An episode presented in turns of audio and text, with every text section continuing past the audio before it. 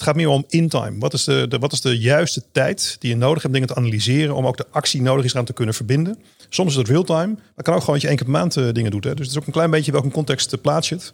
Dus real-time niet doel op zich, maar kan een middel zijn in sommige use cases om zeg maar uh, tot actie te kunnen komen. De Dataloog is de Nederlandstalige podcast over big data, data science, machine learning, kunstmatige intelligentie en de digitale transformatie. Luister naar onze wekelijkse podcasts, nieuwsupdates, specials en mini-colleges. Welkom en leuk dat je luistert naar deze opname van de Dataloog en een special, namelijk rondom het thema Curiosity Forever. Een campagne die geïnitieerd is door SAS en die draait om continu blijven leren, nieuwsgierig zijn en uh, innovatie, uh, Jur. Ja, nou, daar gaat mijn hart voor aan, dat weet je wel. Absoluut. En uh, we zitten hier op een fantastische plek, namelijk in het koetshuis op het kantoor van SAS.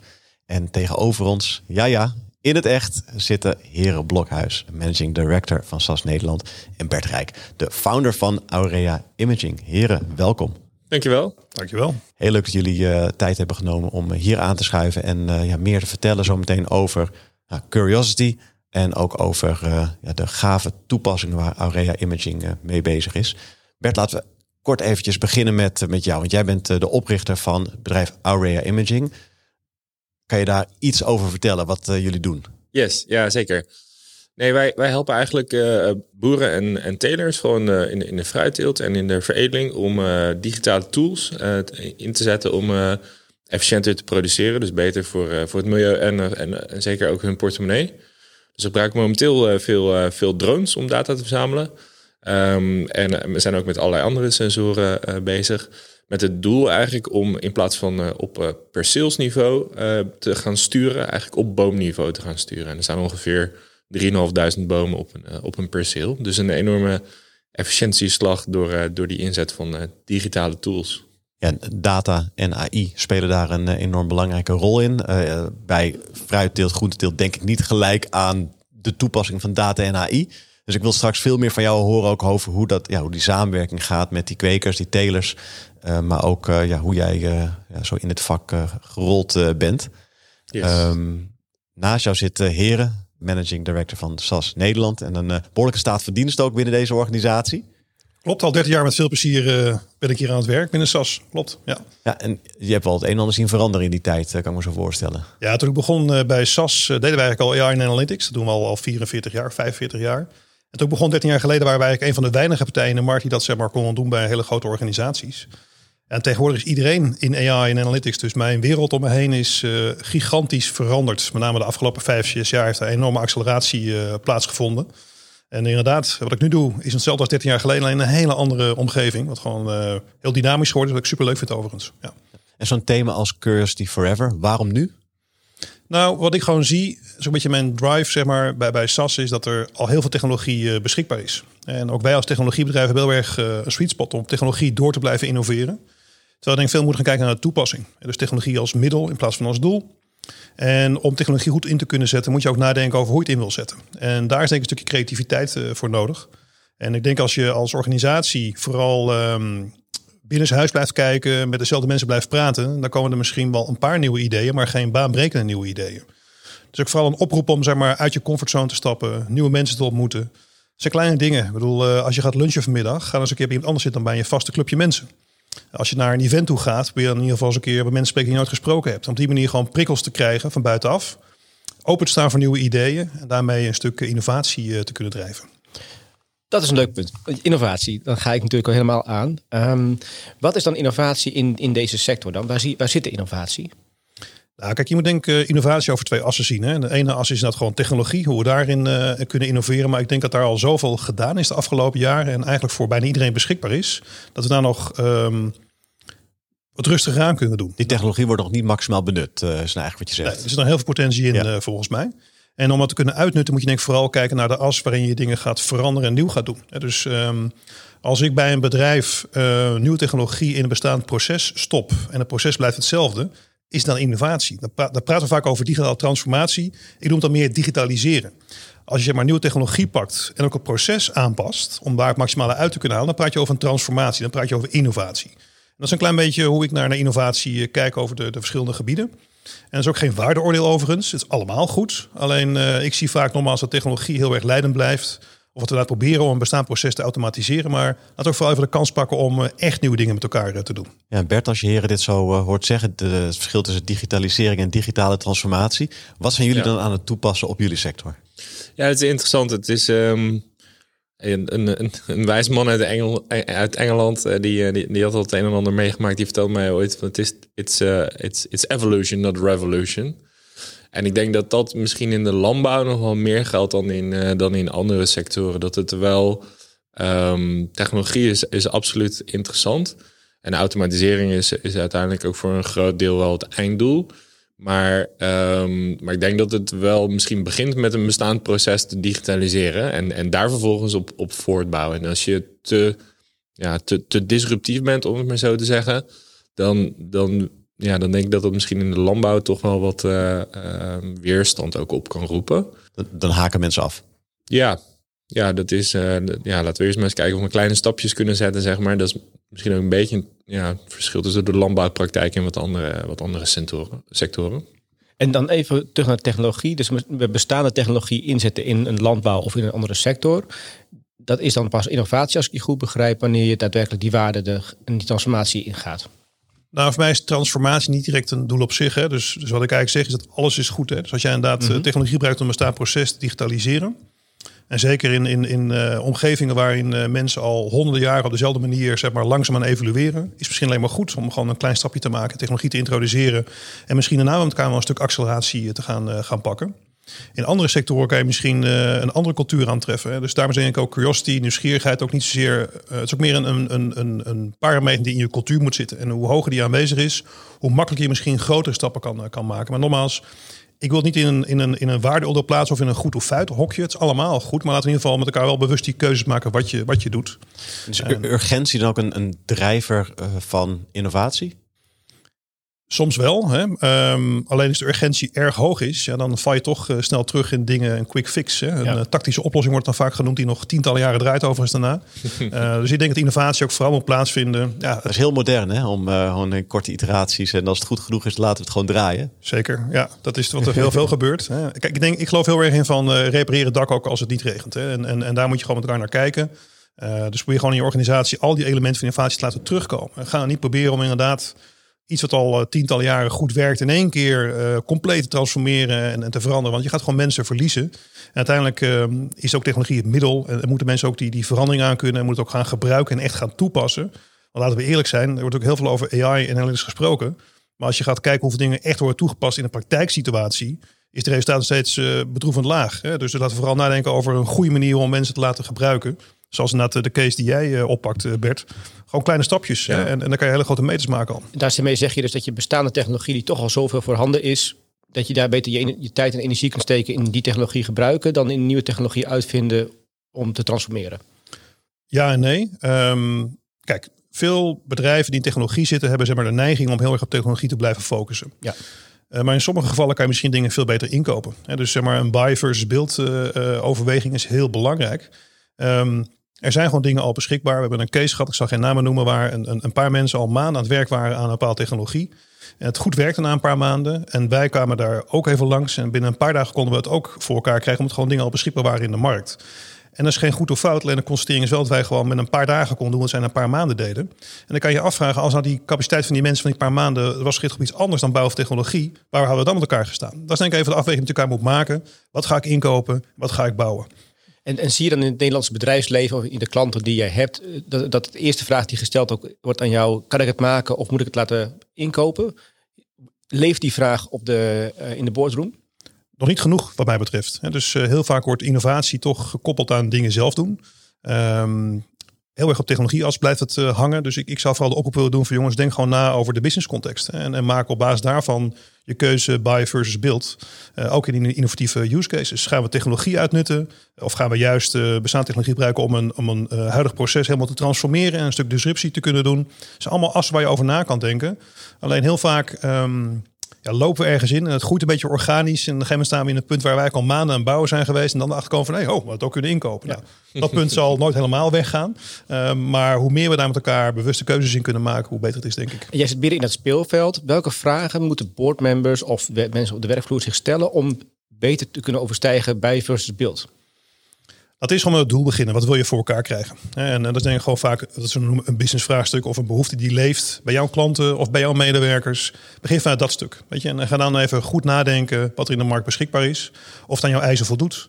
Eh, maar denk ook na over je concurrentiepositie. Ga je iets doen wat zeg maar, zo eh, voor jou concurrentie bepalend is, dan wil je misschien wel super, super uniek zijn. En dan zou misschien kopen niet zo'n goede keuze zijn. Wil je liever gaan bouwen. Dus denk daar vooral na over van wat ga ik doen, waarom ga ik het doen. En eh, zit daar bijvoorbeeld voor mijn bedrijf een, een heel erg onderscheidend vermogen in.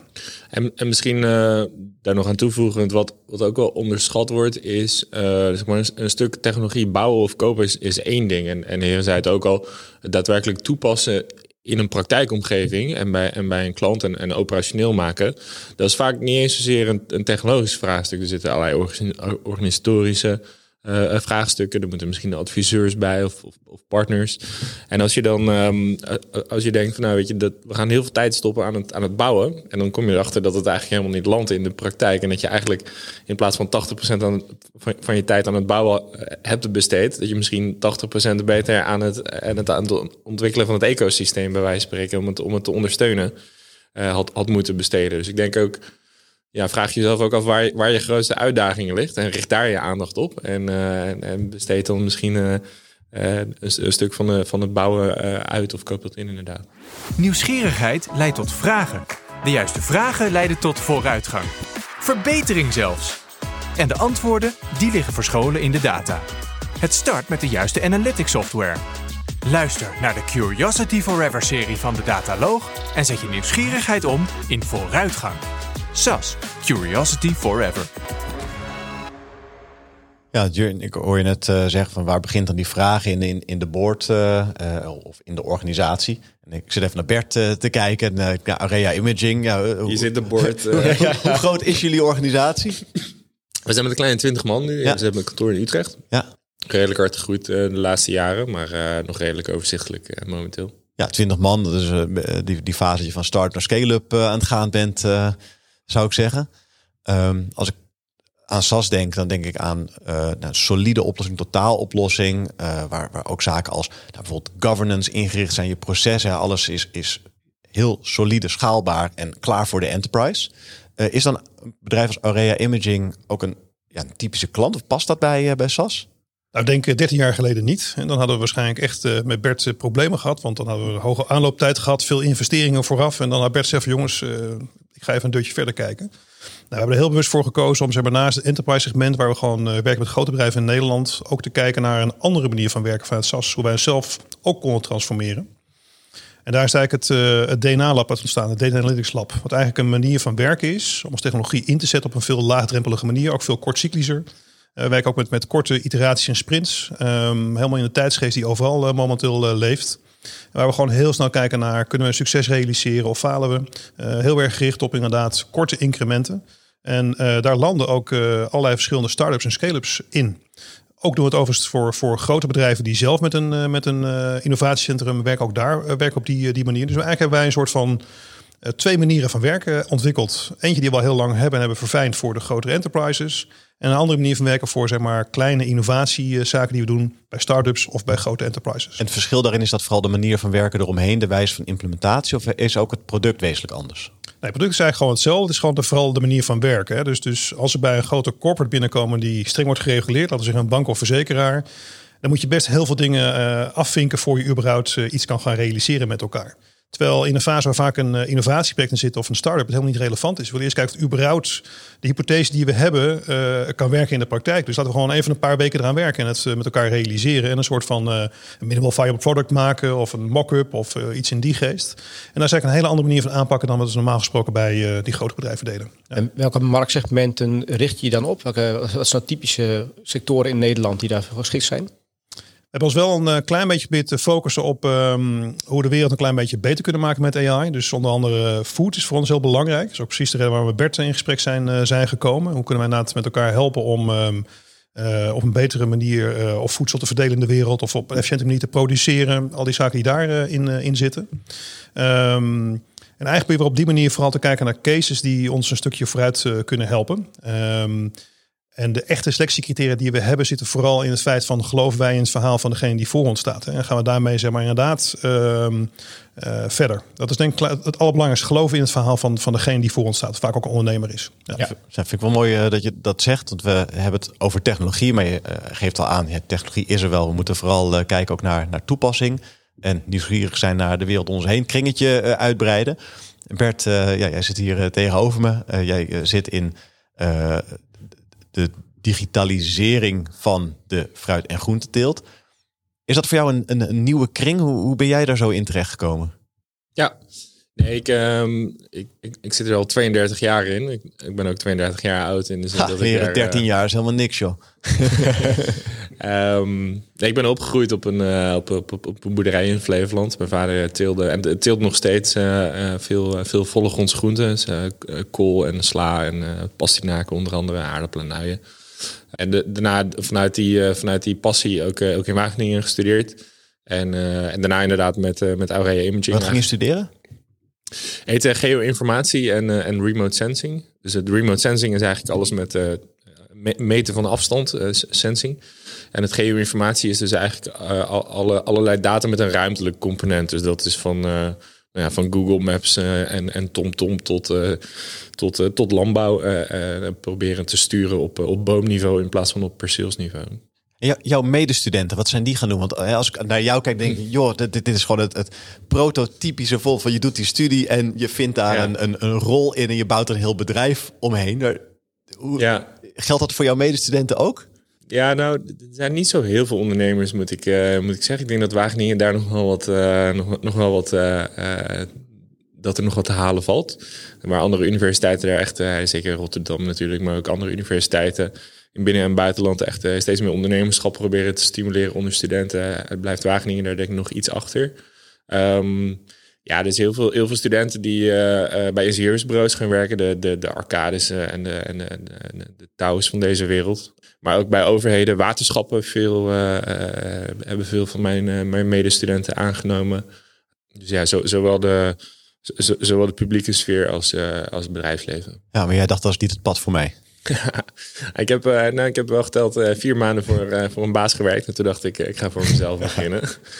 um, ja. En ergens kwam er in, in, in jouw leven een moment dat je denkt... hey, dit is de innovatie die nodig is om in deze sector te gaan, te gaan veranderen. Of in ieder geval betere beslissingen te nemen. Wat was ja. moment en wat was het, de aanleiding dat je dacht, dit kan beter?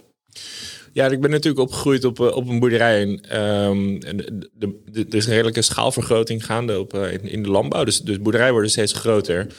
Maar dat zorgt er ook voor dat je steeds meer variatie bijvoorbeeld in de bodem krijgt. De, dus, uh, dus, dus binnen hetzelfde perceel, als dat groter wordt, kan, het van kleiner zand variëren, bij wijze van spreken.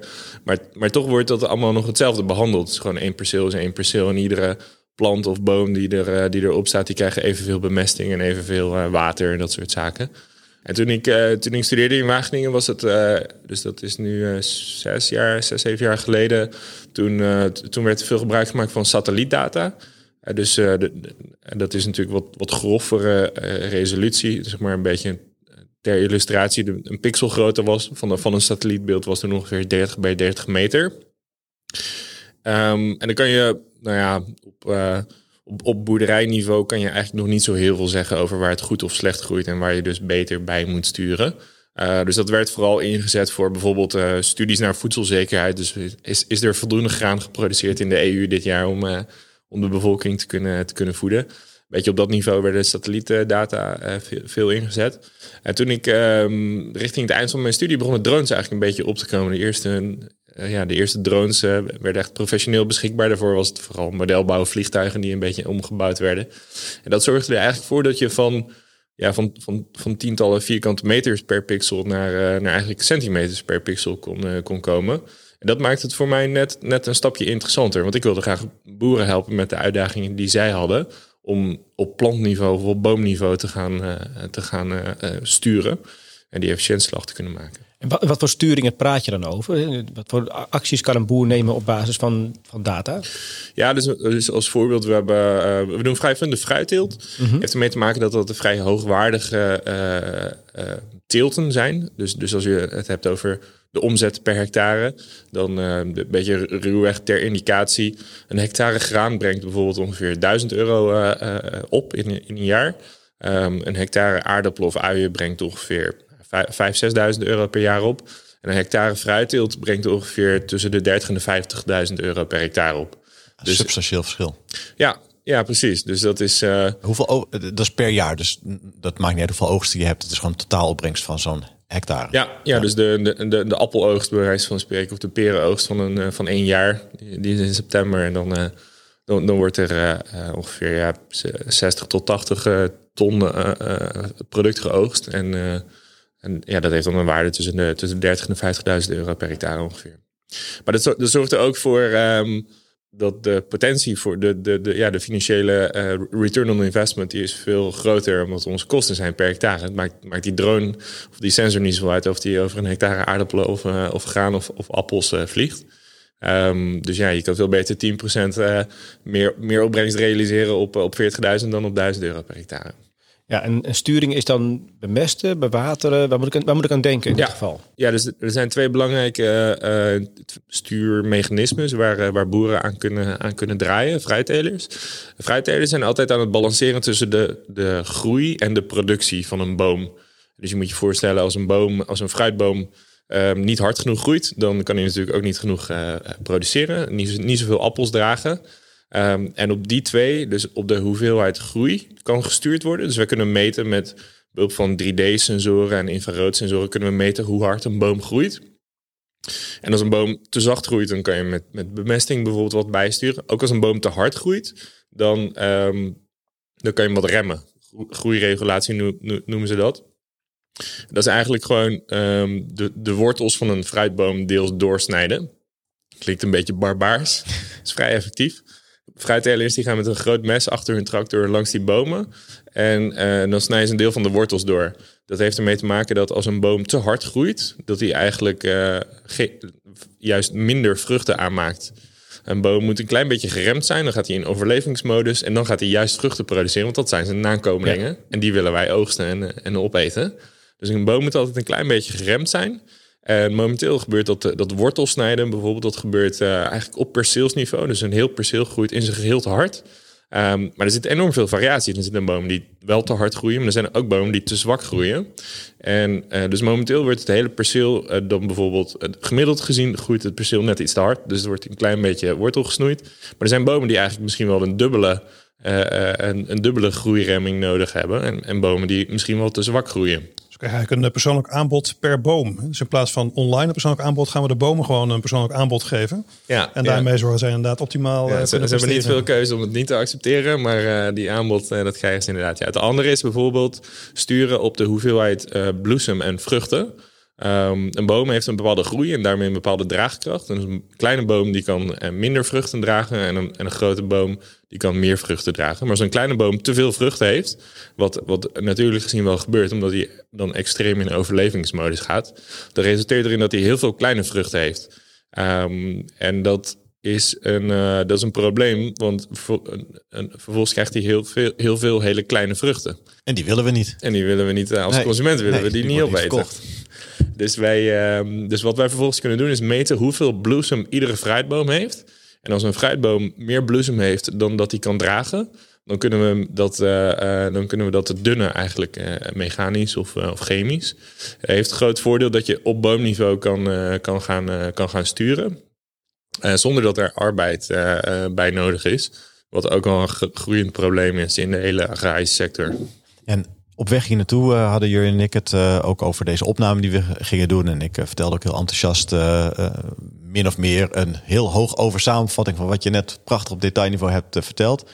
En Jurjen die zei gelijk, ja maar dat bemesten, dat kunnen ze gelijk ook wel erbij doen. Want dan ga je echt die praktijk in. Ja, de, applied, applied science toch hier? Applied AI. Applied AI. Applied AI ja, Dat, want dat sturen kun je natuurlijk ter plekke ook doen. Je kunt meten en sturen in principe ter plekke. Of is de technologie aan de kant van de sturing daar nog niet klaar genoeg voor? Je, je bedoelt, eh, je bedoelt in, in real-time meten en, en, en bemesten? En de drone die heeft dan nog een, eh, eh, wat mest eronder hangen. Die doet even, even een scheutje bij de boom erbij. Of, ja, of, of, of een trekker die, dan, die, dat, Ja. die dat zo doet. Nee, nee, klopt inderdaad. Er zijn een aantal toepassingen die we hebben. Dat is bijvoorbeeld ehm, ehm, die, die bloesemdunning op boomniveau. En dan vliegen we er met een drone overheen momenteel. En straks met, met sensoren die op de tractor zitten. We vliegen met een drone eroverheen.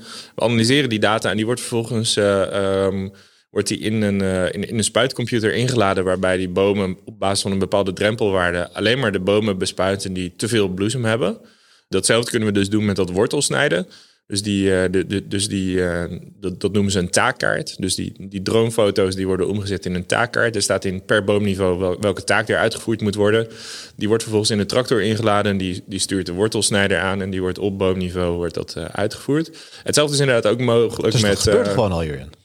Ook met bemesting is dat ook mogelijk inderdaad. Ja. Maar, en wat ik nou afvraag, hè, dan ben ik eigenlijk het blokje weer naar, naar heren toe maken. Want ik eh, nog even naar, naar, naar het, het, het oude ZAS, de grote corporate. En hier hebben we één boertje op een, op, een, eh, op een groot perceel. Die dan met één of meerdere drones daarmee bezig is. Hoe linkt dit aan elkaar? Nou, het, het oude SAS, hè. ik ben ook eh, overigens eh, 45. Ik voel me niet heel erg oud nog hoor. Dus eh, dat betreft is denk ik gewoon twee dingen naast elkaar eh, bestaan. Kijk, dit is wel echt in een sweet spot waar wij heel graag ook innovatie willen toepassen. Ja. Dat we hier gewoon echt eh, de wereld een beetje beter mee kunnen maken. Los van het feit natuurlijk dat, we die, die boer helpen om zeg maar, meer opbrengst te genereren. Kan die ook gewoon veel efficiënter zijn manier eh, van, van werken doen. Dus eh, als je praat over CO2, over water, over bemesting. zijn ook allemaal punten die daar gewoon enorm worden geraakt. En hoe past dit binnen SAS? Nou, eigenlijk is het heel leuk dat we met Bert heel informeel samenwerken. Hè? Dus we proberen wat hier, proberen wat daar. Het is echt vanuit een innovatiemodus neergezet. En eh, hij heeft nog geen eh, last van eh, allerlei heigerige accountmanagers die zo met grote rekeningen wapperen op dit moment. We zijn echt bezig om dit probleem te analyseren en te laten groeien met elkaar. Ja. Dat vinden we ook gewoon heel fijn om met elkaar te kunnen doen. Want Ja. nog even terug naar, naar, de technologie. Dus, de, dus de, ergens is er een, een sensor die iets meet en je hebt een, meet, een stuursysteem. Ja. En dan heb je natuurlijk de hele digitale pijplijn, ETL, compute, alles erop en eraan. Wat kan, kan een SaaS betekenen, eh, of met jullie technologie stack, en je hebt natuurlijk ook de andere technologie stacks van Microsoft en, en Azure, die, hebben allemaal een typische keten. Hoe, hoe ziet jullie keten eh, eruit dan? Wat, wat kun je doen? Nou, kijk, in principe kunnen wij de hele keten invullen. Alleen alles willen doen met één platform eh, is denk ik niet meer van deze tijd. Er zijn bedrijven die het wel doen, maar je moet denk ik vooral veel opener zijn en ook gewoon de ruimte geven om op verschillende plekken in de keten andere technologie te laten inprikken. Heel platweg gezegd, eh, tien jaar geleden wilden we graag alleen maar SaaS-modellen maken om zeg maar, iets te kunnen eh, operationaliseren. Nu kunnen we alle soorten modellen aan. Eh, voorheen wilden we graag alles on-premise draaien. Nu gaan we graag in de cloud bij Azure of bij Amazon als het nodig is. Als je praat over dit soort use cases, krijg je ook heel veel te maken met meer eh, industriële automatisering. Nou, dat is helemaal een interessant speelveld. Als je kijkt naar connectiviteit, het uithalen van data, daar is nog een, wereld eh, te winnen. Nou, daar kunnen we ook uitstekend met onze data-integratietechnologie een, eh, een toegevoegde waarde eh, spelen. Dus eigenlijk de hele keten kunnen we invullen. En, en samen met, met, met de use case kijken gewoon waar wij de meeste waarde kunnen toevoegen. En ik denk ook dat Bert heel erg bezig is met, met keuzes maken van wat hij zelf wil maken. Met welke technologie. Wat hij zou willen inkopen. Ehm, dat is denk ik ook de overweging die hij aan het doen is. En wij kunnen hem daarin ondersteunen door gewoon te laten zien wat wij als SAS daar aan, aan kunnen toevoegen. Ja. Maar hoe ziet die keten eruit? Hè? Dus even als we het stapje gaan maken Ja. vanaf de, trak, de, de trekker met de sensor. Dan heb je daar een, een, een Jetson board of een, misschien wel een Raspberry Pi aan. Ja. En dan, hoe ziet de keten dan eruit op, richting het dashboard van de eindgebruiker? Of misschien wel naar een machine learning algoritme die dan weer ter plekke op, op een trekker weer Ja. een, een, een, een, eh, een mes op en op en neer laat gaan. Kun je, kun je me klopt schetsen? inderdaad. Ja. Nee, dus dat ehm, misschien nog een klein stapje terug. Mo- Momenteel met drone data is die keten iets, iets eenvoudiger. Omdat we, eh, we hebben allerlei eh, dronepiloten over de hele wereld. Die verzamelen die data en die, die uploaden dat naar ons cloud platform. Wat gewoon één, één centraal eh, cloud platform is. Ehm, daar doen wij de dataverwerking en die, en, die, die, die taakkaarten die worden uiteindelijk naar die, eh, naar die fruitteler gestuurd. Of naar zijn tractor, draadloos zelfs. Ehm, de, wa- wat we nu zien is dat het eigenlijk veel handiger is op bepaalde manieren om die sensor niet zozeer op, in, op een drone te hangen, waar je iedere keer een piloot langs moet sturen, maar om die sensor gewoon op de tractor te zetten. Waardoor die, eh, die fruitteler die rijdt toch 30 keer per jaar door zijn boomgaard heen. Dus kan je, kan je in plaats van een paar keer per jaar een dronepiloot langs eh, te krijgen, kan je gewoon kosteloos eigenlijk 30 keer per jaar data verzamelen. Hoe dat eruit ziet in vervolgens. Dus bijvoorbeeld een van onze toepassingen is, is dus bloesemdunning. En, en de data die in dat model moet, is, is hoeveel bloesem iedere boom heeft. Dus daar, eh, da- daar hebben we een stukje AI voor, eh, voor ontwikkeld. Is, is grotendeels eh, open source. Alleen wat we wel hebben gezien is van, van één centrale database in de cloud en, en één systeem Ehm, dat, dat gedistribueerd op edge devices, dus, dus aan boord van tractoren deployen en, en beheren, dat dat wel een heel ander uh, vakgebied is. Um, en, en ook niet per se waar wij de meeste, de meeste waarde toevoegen. Dus we zitten nu te kijken hoe we dat moeten oplossen. SAS heeft daar hele interessante tools voor, uh, voor ontwikkeld. Hoe dat eruit ziet is dat die, we hebben sensoren die zitten boven op het dak van de tractor. Uh, die, die, die meten continu. Um, dus, dus iedere boom. Daar, daar draaien AI-modellen op. Uh, die, die worden bijvoorbeeld door, door SAS uh, uh, ESP, dus bepaalde module van SAS, wordt dat, wordt dat beheerd. Um, dat draait inderdaad op een, op een Jetson AGX. Dus dat is een beetje de meest krachtige AGX van, van, van de NVIDIA Jetson Rakes. Um, en vervolgens, in plaats van dus al die beelden naar de cloud te uploaden, hoef je eigenlijk alleen maar te weten hoe, hoeveel bloesem iedere boom heeft. Ja, dus in plaats van uh, een paar MB aan foto's per boom, hoef je, eigenlijk maar twee cijfertjes te uploaden naar de cloud. En dat heeft als andere voordeel dat er eventueel ook nog uh, in, real time, dus die sensoren zitten aan de voorkant van de tractor en aan de achterkant van de tractor kunnen die, uh, kan eventueel ook in real time die bespuiting uitgevoerd worden. En dat kan natuurlijk nooit als die data op en neer naar de cloud moet. Hoe dat, hoe dat treintje erachter zit, is um, dus, dus op dat Jetson device draaien die, die AI-modellen, bijvoorbeeld in, uh, in, SAS, uh, in, in SAS ESP. En dat wordt beheerd vanuit een soort managementplatform waar, waar, waar nieuwe modellen ontwikkeld worden, versiebeheer, dat soort, dat soort zaken. En op een gegeven moment, als er een nieuwe versie is, dan wordt dat ge, ge, gepusht naar, de, um, naar dat edge device op die, op die tractor. Ja, super gaaf. Dus je kunt een heel port portfolio van dingen zou je dan kunnen beheren en updaten. En... Ja, ja, dus een beetje, een beetje de Tesla-strategie. Die sensoren en, en, die, en, die, en die NVIDIA uh, Jetson die zijn redelijk over, overpowered. Ja. Um, dus dus je kan, we zijn nu begonnen met het detecteren van appels. Dus hoeveel appels heeft iedere boom, een soort van opbrengschatting. Um, we zijn dus bezig met de hoeveelheid bloesem. Maar je kan op een gegeven moment misschien ook ziektes gaan detecteren met diezelfde hardware. En dan is het gewoon een versie van nieuwe, een, een kwestie van nieuwe versies van je modellen of nieuw, nieuw type modellen pushen. En die worden dan gewoon beschikbaar bij, jou, eh, bij jouw klant. Ja, super gaaf. Dat is precies een voorbeeld van het uh, buy versus build. Hè? Ja. Ik bedoel, wil je zelf uh, in edge computing gaan doen? Wil je het allemaal zelf gaan ontwikkelen? We hebben daar echt een aantal jaren hard aan moeten werken met veel mensen samen met Nvidia overigens, om dat voor elkaar eh, te kunnen krijgen. Ja, en dat kan je nu gewoon als het ware inkopen en ter beschikking krijgen, waardoor je gewoon meer kan nadenken over die use cases die interessant zijn om zeg maar die, die, die boer uh, verder te kunnen helpen. En dat is denk ik time to market die gewoon interessant is. Dus die tijd die je hebt, gebruik je veel meer voor toepassing in plaats van technologie aan zich. Dat is denk ik een belangrijk punt. Um, ander punt is denk ik inderdaad, als je praat over in-edge uh, computing er komen gewoon meer en meer use cases voorbij waar het gewoon super interessant wordt. Ik bedoel, in Nederland is overal meer dan voldoende bandbreedte beschikbaar. Maar stel dat jij zeg maar pijpleidingen moet gaan analyseren in Canada, waar zeg maar enorme oppervlaktes liggen en waar je ook graag zeg maar een stuk analyse wil doen, dan kan je niet meer alles zeg maar uh, via een uh, 5G-verbinding uploaden naar je cloud. Dan moet je echt gewoon dingen in de edge gaan, uh, gaan, gaan oppakken en, en gaan, gaan analyseren door eigenlijk de, de bandbreedte nog veel kleiner is. Hetzelfde zien we bij heel veel grote fabrikanten die ook gewoon problemen hebben om connectiviteit te krijgen op hun bedrijfsterrein. Vanwege allerlei verstoringen. En, zo zijn er heel veel mogelijkheden om zeg maar, daarover ja, na te denken. En denk aan veiligheid en security. Wij zijn nu met een, een, een edge case bezig. We hebben een fiets laten rijden door Amsterdam. Met camera's, trillingsensoren en LiDAR. Nou, in bandbreedte natuurlijk ga je het niet redden. Maar je wil gewoon eigenlijk niet de, de beelden de cloud in hebben. Het gaat erom, ligt er huisvuil of niet? Of is er een stoep kapot? En dat je ook die, de mensen die in beeld zouden kunnen zijn, die wil je ook überhaupt niet aan hebben. Dus als je privacy by design doet, dan ben je met Edge al veel verder dan dat je dat uh, gecentraliseerd in de cloud doet. Zeker. En in, sommige gevallen je ook gewoon meteen kunnen doorpakken. Hè. Dus uh, ja. wij, wij, kennen bijvoorbeeld uh, fabrikanten waar wij zeg maar, op een lopende band actief zijn. Ja, dan wil je natuurlijk een analyse kunnen doen en meteen kunnen, kunnen uitvoeren. Dus uh, bijvoorbeeld een lopende band uh, snel laten lopen, langzaam laten lopen. Daar in ieder geval over nadenken om zeg maar, verstoringen te voorkomen. en daar wil je dus in de edge analyse doen. Maar ook zorg je meteen dat kan uitvoeren. Dat is een beetje waar we ook begonnen met die reactoren. Die natuurlijk ook gewoon aan de achterkant een apparaat hebben die zeg maar een actie kunnen doen. Dus een real-time inzicht krijgen heeft alleen maar zin als je ook een real-time actie kan uitvoeren die daaraan gekoppeld is. En ja. dat stuk vergeten vaak met elkaar. Um, het gaat meer om in-time. Wat, is de, wat is de juiste tijd die je nodig hebt dingen te analyseren om ook de actie nodig is aan te kunnen verbinden? Soms is het real-time, maar kan ook gewoon dat je één keer per maand uh, dingen doet. Hè? Dus het is ook een klein beetje welke context uh, plaats je. Dus real-time niet een doel op zich, maar kan een middel zijn in sommige use cases om zeg maar uh, tot actie te kunnen komen.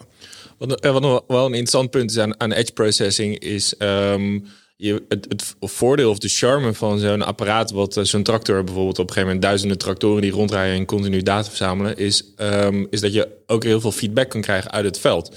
En daar zitten we nu nog een beetje mee, ook samen met SAS, eh, te, te overwegen van als je alleen maar het model deployt en alleen maar de resultaten eruit krijgt, dan worden je modellen nooit beter. De AI heeft natuurlijk de, belofte dat het zelflerend is. Uh, dus op een bepaalde manier wil je wel wat feedback uit het, uh, uit het veld krijgen. Er zijn natuurlijk, je kan, je kan gewoon een soort van random, uh, een random subset van je data kan je uploaden. Dus je zegt één in de, één in de honderdduizend foto's, die, die stuur ik toch nog naar de cloud door. Zodat we een beetje idee hebben van wat gaan is. Je kan het ook wat slimmer aanpakken als, het, als de AI een bepaalde grote onzekerheid of, of, of, of, zeg maar veel twijfel heeft, om het maar zo te zeggen, dat je die foto's specifiek apart houdt.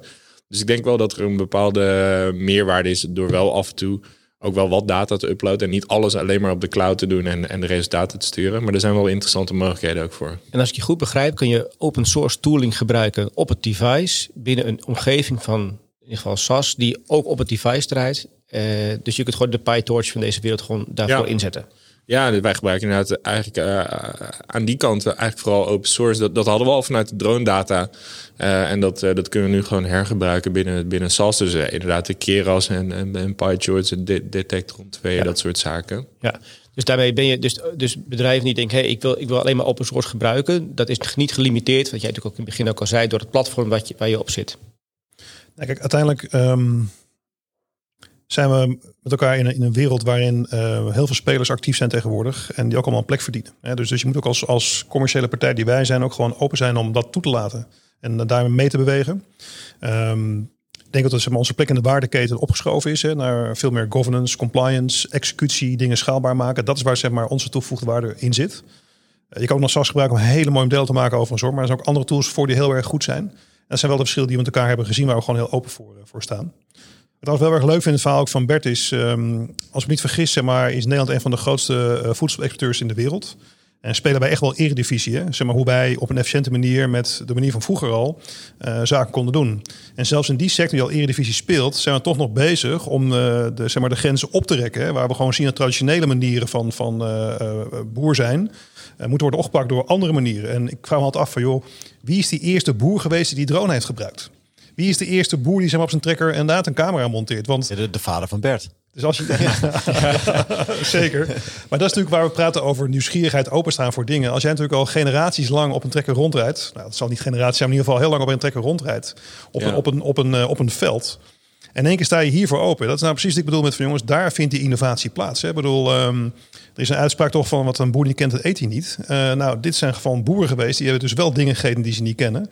En, en daarmee zie je gewoon dat denk ik technologie die er is, een drone of een camera, een in-edge computing, wordt toegepast in een sector die denk ik voorheen vrij traditioneel werd, werd geopereerd. En dat vind ik gewoon een heel mooi voorbeeld van openstaan voor nieuwe dingen, proberen ja. en uh, daarmee een stap voorwaarts maken. Daar hadden we het in het begin ook over de digitalisering in de markt en dat het niet te disruptief uh, moet zijn, want anders dan ja, krijg je de uiteindelijke eindgebruiker, de boer, niet mee.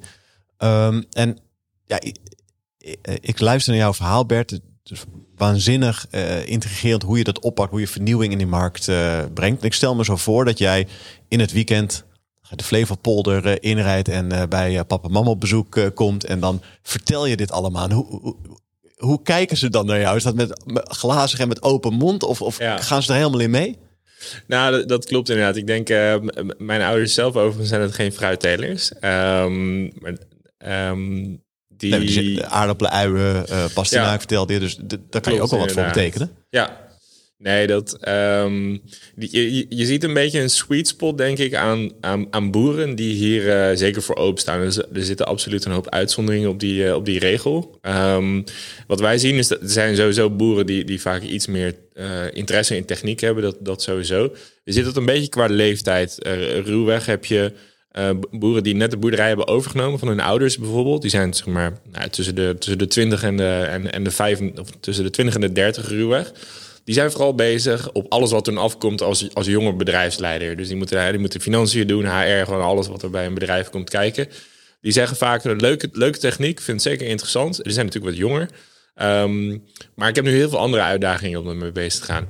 Aan de andere kant, wat je ziet, is, is nou ja, ruwweg uh, boeren boven de, boven de 50, 55 die zeggen: Nou, weet je, ik heb, nog, uh, ik heb nog een jaar of tien te gaan. Het zal mijn tijd wel duren.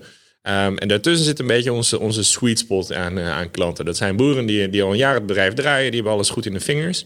Dat zijn, eh, die zijn aardig, aardig comfortabel, die, die willen wel wat, wat vernieuwing doorvoeren, maar die hebben ook nog voldoende jaren te gaan om daar echt goed in mee te kunnen komen. Die zijn nog jong genoeg om dat op te kunnen pakken. Dus ja, zeg maar ruwweg tussen de, tussen de 30 en de, en, en, en, de, en de 50, dat is een beetje de sweet spot aan, aan, eh, aan klanten, wat we, wat we grappig genoeg zien. Zijn ouders trots op je? Wat je doet? Absoluut, ja, ja absoluut.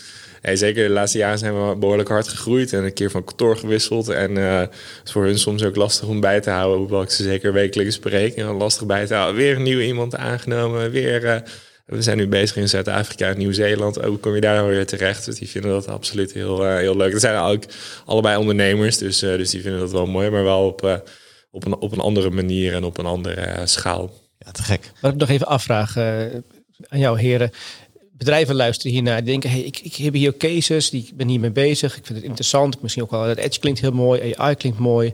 Stel je voor, je wil iets doen met, met, met hiermee, met het DNA-lab dat je noemde. Waar is het geschikt voor en hoe vinden we dat? Waar is het geschikt voor? Ik denk, uh, DNA-lab specifiek is vooral geschikt voor innovatieve use cases. Dus, dus dingen waar we gewoon dingen willen testen. Of we hebben een hypothese, een leuk idee. Je werd morgens wakker, zonder een douche, hart was. En in één keer denk je, plung, er ging een lampje branden. Dat wil ik gaan proberen. Kom dan gewoon bij ons en kom bij ons praten over het, uh, met het DNA-lab. Waarin een aantal uh, mensen zitten die gewoon heel veel met, uh, met bedrijven zoals die van Bert praten. En ga daar lekker mee sparren. En vanuit daar gaan we dan rustig kijken of we ook wat dingen kunnen gaan proberen. Of het ook echt werkt in de praktijk. En dat is denk ik in ieder geval heel belangrijk. Heb je een leuk creatief idee? Wil je iets doen wat je eerst wilt testen? Kom dan bij DNA-lab. Heb je een ander idee wat al helemaal in beton gegoten is en zeker gaat werken, dan we je ook gewoon prima helpen via onze traditionele manier van, van werken. En uh, wil je in contact komen, is denk ik vrij simpel. Uh, stuur mij via LinkedIn een berichtje of bel me. Zet gewoon mijn 06-nummer op. Of uh, stuur een e-mail naar ons algemeen e-mailadres. Er zijn genoeg mensen om mij zeg maar, te kunnen bereiken. Maar laten we gewoon elkaar dialoog opentrekken. Dat is denk ik het allerbelangrijkste. Dat we gewoon met elkaar in gesprek gaan. En, en, en met elkaar proberen om daar een keuze in te maken. Ik denk dat het de eerste keer is dat we het 06-nummer van iemand in de show notes gaan plaatsen. Ja. Oké, okay, dat is over afgeroepen inderdaad. Dat is niet zo handig. Nee, nee dat, uh, we gaan uh, de contactgegevens op een uh, hele een nette manier delen. En kijk vooral even op de LinkedIn van Heren. Ja. En wil je meer weten over de agri-food sector en de AI daarin? Dan heeft de NLI een cursus voor, volgens mij toch, Walter? Nou, niet zomaar een cursus. Die is door niemand minder dan Bert zelf inge, ingesproken. En zelfs op video staat hij volgens mij. Klopt inderdaad. Ja, nee, dat is leuk. Ik denk, curiosity kan je aanwakkeren door inspiratie. En uh, dus wij vinden het ook heel leuk uh, om, om aan dat soort dingen mee te helpen. Dus, dus we hebben inderdaad meegeholpen aan de, aan de agri-food workshop van de, van de NL, NL AI coalitie. Om, om af en toe wat, wat te vertellen. Dat doen we ook op, op LinkedIn en in, in, in podcast. En Juist, juist om mensen te inspireren en, uh, en te laten zien wat er allemaal mogelijk is. Het is niet zozeer dat mensen vaak niet, niet willen, maar ze weten niet wat het is of, of hoe het moet. En dat is denk ik de belangrijkste eerste stap. Heel mooi. Nou, Bert, uh, dank voor het delen van uh, jouw inzicht, je ervaringen en ja, de gave nieuwe dingen die jij brengt in de agri-food sector. Heren, dank voor het ja, neerzetten van dit platform. Ons meenemen ook in de ontwikkelingen binnen SAS. En hoe jullie ook, ondanks de, de track records die jullie als bedrijf hebben in staat zijn om ook mee te bewegen in de markt. En ja, startende scale-ups als uh, die van eh, Bert te helpen om verder te komen. En ja, voor mezelf geldt ook, ik ben vandaag ook buiten mijn eigen bubbel gegaan met het verhaal van Bert. Super interessant. En ik hoop dat jullie als luisteraar ook genoten hebben van dit verhaal. Dit is een special in een serie die we maken met SAS onder de noemer Curiosity forever. Hè? Curiosity forever. blijf, blijf nieuwsgierig. Inderdaad. En uh, dank voor het luisteren en tot de volgende. Bedankt voor het luisteren naar deze uitzending van de Dataloog. Vond je onze podcast leuk, goed, interessant of wellicht te veel ene en nullen? Laat een review achter of geef thumbs up. Heb je vragen of opmerkingen? Kijk dan ook eens op www.dedataloog.nl. Hier staan ook de show notes van alle uitzendingen. Je vindt onze nieuwe uitzendingen wekelijks op iTunes, Stitcher, Spotify en alle andere bekende podcastplatforms. Alles wat wij maken doen we onder Creative Commons. Je mag alles hergebruiken voor niet-commerciële doeleinden, zolang je ons als bron maar noemt. Volg ons op Twitter op @dedataloog. Graag tot de volgende keer.